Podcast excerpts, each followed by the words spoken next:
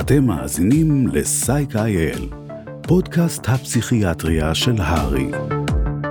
ברוכים הבאים לעוד פרק בפודקאסט הפסיכיאטריה של ההסתדרות הרפואית בישראל. הארי, הפעם נדבר על OCD. איתנו באולפן שתי פסיכיאטריות מכובדות, הדוקטור מרנינה שוורץ, הפסיכיאטרית הראשית של קופת חולים לאומית. שלום מרנינה. שלום איתי. והדוקטור שולה וייץ, מומחית לפסיכיאטריה מקופת חולים לאומית. שלום שולה. שלום. שלום וברכה שוב.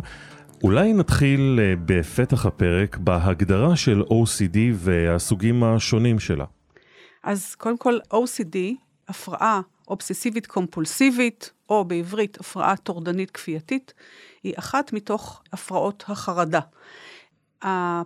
הפרק של OCD והפרעות נלוות כוללת את ה-OCD שאנחנו נרחיב לגביה, כוללת עוד הפרעה, BDD, Body Dysmorphic Disorder, HD שזה hoarding disorder, אגרנות, מה שאנחנו קוראים, טריכוטילומניה, נטייה למשוך שיער באופן כפייתי ועד להתקרחויות, ו skin picking disorder, צביטות של העור שהן אה, גם נעשות באופן כפייתי. אז קודם כל, מה ההגדרה של OCD? OCD אה, מורכבת מה-O, שזה האובססיות, המחשבות הטורדניות, מה-C, שזה הקומפולסיות, המעשי, פעולות כפייתיות עד לטקסים. בדרך כלל אנחנו נמצא שילוב של אובססיות וקומפולסיות, אבל אין ספק שהפרעה מתקיימת או אה, מתאבחנת כשיש רק מחשבות טורדניות או רק פעולות כפייתיות או טקסים. זאת ההגדרה. עכשיו, מבחינת הנושאים העיקריים או הדפוסים שמאפיינים את ה-OCD, יש ארבעה תמות עיקריות. הראשונה זה הנושא של פחד מהידבקות, או אה, שאני חלילה אדבק באיזה מחלה, בדרך כלל כמובן מדובר במחלה זיהומית. וזה מאוד שכיח לאחרונה בקורונה, באמת, אה, אה, איך את מבדילה אם זה משהו שגרתי מקובל, למשל, כמו עכשיו בתקופה הזאת של הקורונה, או שזה משהו חריג? אז קודם כל, בדרך כלל, ב-OCD הקלאסי, הפחד מהידבקות במחלה זיהומית כלשהי, היא לא קשורה דווקא למציאות היומיומית שלי. למשל, דוגמה, שאני אחשוש שמא אני אדבק באיידס, למרות שכביכול אין לי שום גורם סיכון. לגבי הנושא של הקורונה, שבאמת uh, הציפה הרבה פחדים, הרבה חרדות, ומצד שני אפשר להגיד שחשפה או נתנה לגיטימציה לפחד מדברים, או להתנהג בצורה אה, שבעבר אנשים הסתירו, כמו לנקות את הידיים עם הג'ל וכן הלאה וכן הלאה. אנחנו כן יודעים שבמהלך הקורונה יש עלייה בשכיחות של תופעות של חרדה ודיכאון. אנחנו עדיין לא יודעים לפלח את זה, האם ה-OCD, השכיחות באופן ספציפי עלתה, אבל אנחנו יודעים להגיד שהפחד מהתופעות הקורונה, וריאביליות ויכולות להיות גם מאוד מציאותיות. ועוד דבר שחשוב לי להגיד, שזה בהחלט פתח את השונות בינינו, מי, מי פוחד יותר, מי פוחד פחות, ו, ולא כל כך, לצערי, נותן כבוד כל אחד לפחדים של השני. כלומר, אם אה, בא, בא אלייך מטופל שממש מחטא ידיים אה, ללא הרף ולא מוציא את הילדים מהבית שנתיים לתוך הקורונה, זה משהו שמדליק אצלך נורה אדומה? תמיד צריך להדליק נורה אדומה, כי זה עניין של באמת, כשאני, אני חושבת שאני חוזרת להגדרה הראשונית, כשיש את הפחד מהדבקה, הפעולה הכפייתית שתיעשה, או הקומפולסיה, היא ניקיון, רחצה ו- וחיטוי, וכשזה עובר מידה מסוימת, זה כבר נעשה פתולוגי. כשהאימא לא תאפשר לילדים שלה לצאת מהבית ולא לחבור לחברים שלהם, שנושא החברות הוא מאוד מאוד חשוב, זה כבר סוג של פתולוגיה. בשנים האחרונות מדברים הרבה על ROCD, זה מצב שכיח? זה מצב שמדברים עליו אה, לאחרונה לגבי השכיחות פחות מוכרת. ה-ROCD זה ה-Relational OCD, הוא בעיקר מוכר בתחום הרומנטי, או במערכות יחסים אינטימיות, אבל הוא גם מוכר גם במערכות יחסים הורים-ילדים. כשאני מתייחסת לתחום הזוגי, רומנטי, הוא מתייצג בשני אופנים. האופן הראשוני, כשאנחנו ב, או נכנסים למערכת זוגית, אז אחד מבני הזוג פתאום מתחיל לעלות ש... תהיות, התלבטויות, האם זו, זו מערכת היחסים הנכונה לי, האם זה בן הזוג הנכון לי, האם הוא אוהב אותי מספיק. התייצגות אחרת שיכולה לבוא לידי ביטוי זה כשאחד מבני הזוג דואג אה, שמא יש איזו תכונה מסוימת, גם אם היא תכונת אופי או משהו שקשור למראה החיצוני לגבי הבן זוג שלו, ומעצים אותה.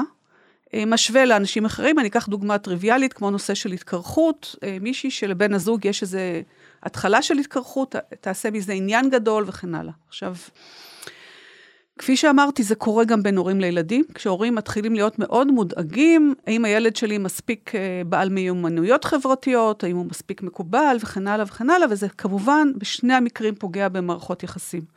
איך זה יתבטא במערכת היחסים ביומיום? מה, הרבה אה, וואטסאפים? אה, איך? אז שוב, אם, אם זה באמת החלק של, כשאני דואגת למערכת היחסים ורוצה לבדוק האם מערכת היחסים מתאימה לי, האם בן הזוג אוהב אותי מספיק, אז זה יהיה בהרבה וואטסאפים, אה, טלפונים, אה, וגם בדיקה עצמית. האם אני חשבתי עליו, האם עכשיו עברה רבע שעה וחשבתי או לא חשבתי, אה, צריכה חיזוקים לגביו. אני גם פונה לכל החברות שלי ושואלת, תגידו, זה שיש לו קרחת, זה מפריע? זה לא מפריע? זאת אומרת, כל הזמן צריך אישורים וחיזוקים כדי לשמר אותה. כמובן שזה מאוד מפריע למערכת הזוגית, כי זה לא משהו שאפשר להסתיר. בן הזוג נעלב. אם הפרידה על הפרק, אז זה מעורר חרדות נטישה, ויש איזשהו מעגל שלילי סגור בתוך המערכת הזאת. ו-OCD יכול להופיע גם אחרי אה, פרידה, כשהמחשבות על האקס או על האקסית לא נותנות מנוח. כל הזמן, וזה יכול גם להשתלב uh, גם בהפרעה דיכאונית, שיש מחשבות טורדניות על האקס ועל מערכת היחסים, ולא מצליחים לעבור הלאה למערכת אה, זוגית חדשה.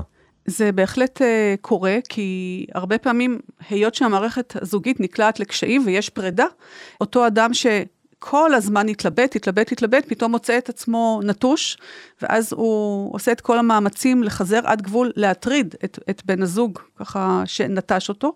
Uh, ובהחלט במצב כזה, כשלא הצלחנו להיפרד, מה שנקרא בשפה פסיכולוגית, לעבד בעין את האובדן או את הפרידה, קשה לנו להיכנס למערכת יחסים חדשה.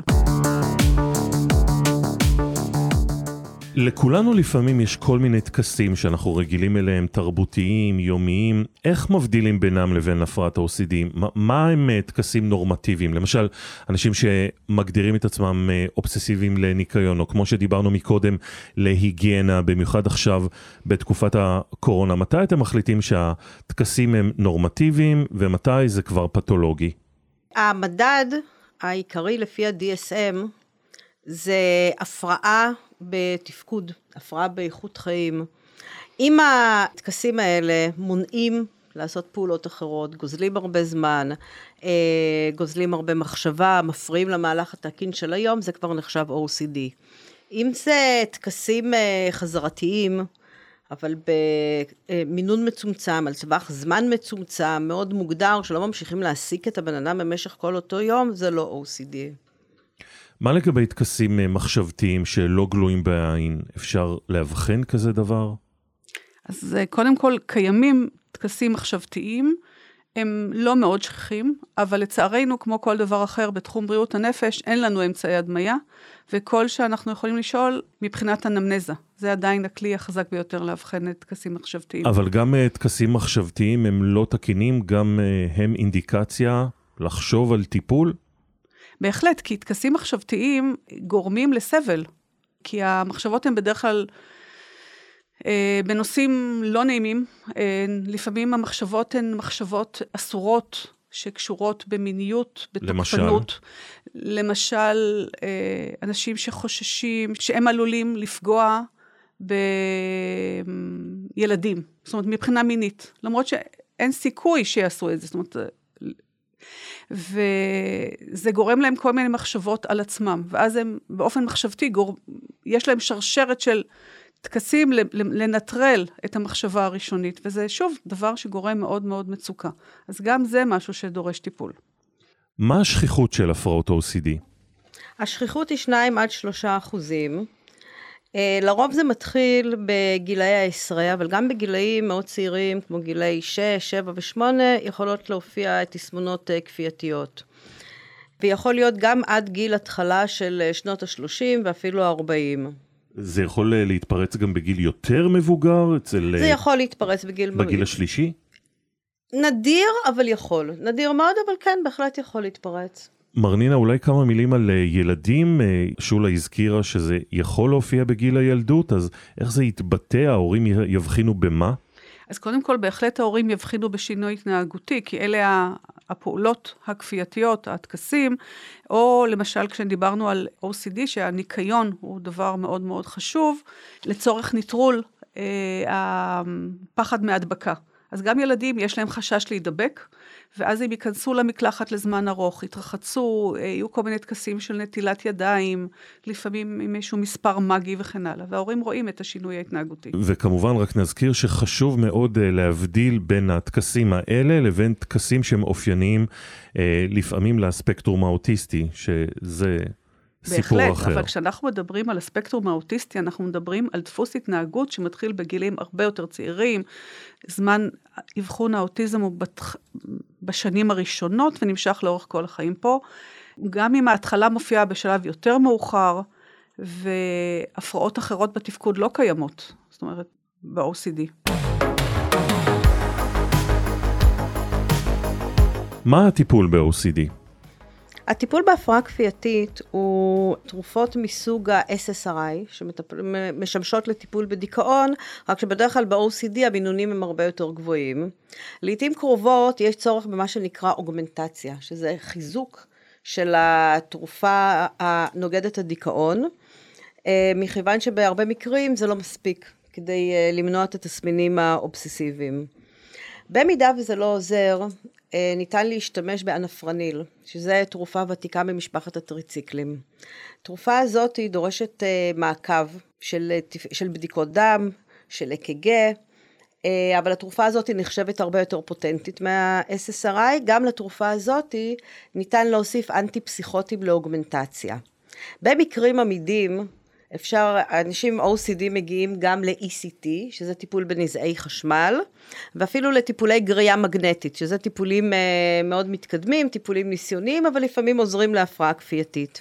בסך הכל, אנחנו מדברים על הפרעה מאוד עמידה לטיפול, מאוד קשה לטיפול. גם בטיפול טוב, הרבה פעמים יישארו כל מיני, מה שנקרא תסמינים שארייתיים, שאיתם הבן אדם יצטרך uh, להתמודד וללמוד לחיות. עכשיו, יחד עם הטיפול התרופתי מאוד עוזר שילוב של uh, טיפול uh, קוגניטיבי התנהגותי. השילוב של הטיפול הקוגניטיבי וההתנהגותי והטיפול התרופתי נחשבים לטיפול הבחירה לטיפול הכי מוצלח שמונע תסמינים כפייתיים. במסגרת טיפולים פסיכולוגיים ניתן גם לשלב טיפול פסיכולוגי פסיכו-חינוכי. שמסביר לבן אדם מה פשר התסמונת שלו, איך לזהות החמרות, איך להתמודד עם התסמינים, איך לחיות באיכות חיים טובה, גם עם איזה שהם תסמינים שערייתיים עם הטיפול התרופתי, כי רוב הסיכויים שכן יהיו אי אלו תסמינים למרות הטיפול. חשוב לי גם לציין, כשאנחנו מדברים על OCD, זו תופעה שבהחלט מתמשכת, יש הרבה פעמים תחלואה נוספת, קומורבידיות, אה, שכיחות גבוהה של קרוב ל-70% באנשים אנחנו נראה גם מצב דיכאוני משני, חרדה חברתית ב-25%, הרבה פעמים שימוש באלכוהול, הפרעות חרדה נוספות, הפרעות אכילה והפרעות אישיות, וכן הייתי רוצה גם לציין לגבי הטיפול התרופתי, שהוא בהחלט ניתן במינונים יותר גבוהים מהמקובל של, זאת אומרת, בטווח המינונים הגבוה, וגם למשכי זמן ארוכים יותר, כי זו הפרעה יותר עיקשת לטיפול. ומהניסיון שלכן, אה, עד כמה חבילת הטיפול הזאת באמת עוזרת? יש יעילות לטיפול המשולב. בהחלט צריך לציין בפני אה, האדם שזה מדובר בטיפול ארוך טווח, ובהחלט תהיה הקלה. אחוזי הרמיסיה הם יותר נמוכים לעומת דיכאון והפרעות חרדה אחרות. עכשיו אנחנו מזכירים בכל פרק את התורים הארוכים מאוד עד אה, לפסיכיאטר. רופא בקהילה יכול לעשות משהו, וגם מה הדגלים האדומים שדורשים פנייה לחדר מיון? אז בהחלט רופא בקהילה יכול וצריך לעשות משהו, כי שוב, מדובר בהפרעה שהיא כעיקרה הפרעה בתחום הפרעות החרדה, הסיכון להגיע למיון קלוש, ותכף אני אגיד מתי כן, וכן רצוי שיתחיל את הטיפול התרופתי מוקדם ככל שאפשר, כי שוב, נדרשים למינונים גבוהים יותר ולפרקי זמן ארוכים יותר, אבל במקביל, אין, לא מדובר בטיפול תרופתי בפני עצמו, אלא בשילוב עם טיפול תרופתי וטיפול שיחתי, וגם פה אנחנו נתקעים קצת בפקק אה, בשל תורי המתנה. אה, הדגלים האדומים זה בהחלט סיכון, גם OCD לפעמים, אנשים, או שהאובססיות מקבלות איזשהו גוון פסיכוטי, ואולי צריך לחשוב על מיון, ולפעמים הייאוש. ועם הדיכאון המשמיני מובילים לאובדנות. כן, האמת היא שה, שתסמינים דיכאוניים הם מאוד שכיחים. אה, במקביל להפרעה כפייתית, צריך לשים לב שאין אה, דיכאון. במקרה כזה יכול, צריך לבדוק אם יש אובדנות, צריך להפנות למיון, צריך להפנות לאשפוז לפעמים. זהו, הגענו לסוף הפרק על הפרעות OCD. תודה רבה לשתי הפסיכיאטריות שליוו איתי את הפרק, הדוקטור מרנינה שוורץ והדוקטור שולה וייץ. אנחנו מזמינים אתכם לעקוב אחרינו בפייסבוק, בטוויטר ובאינסטגרם עם כל העדכונים והחדשות שלנו בהארי. נגיד תודה גם לשם הפודקאסטים על עריכת הפרק. תודה גם לכם על שהאזנתם לנו, ונתראה בפרק הבא.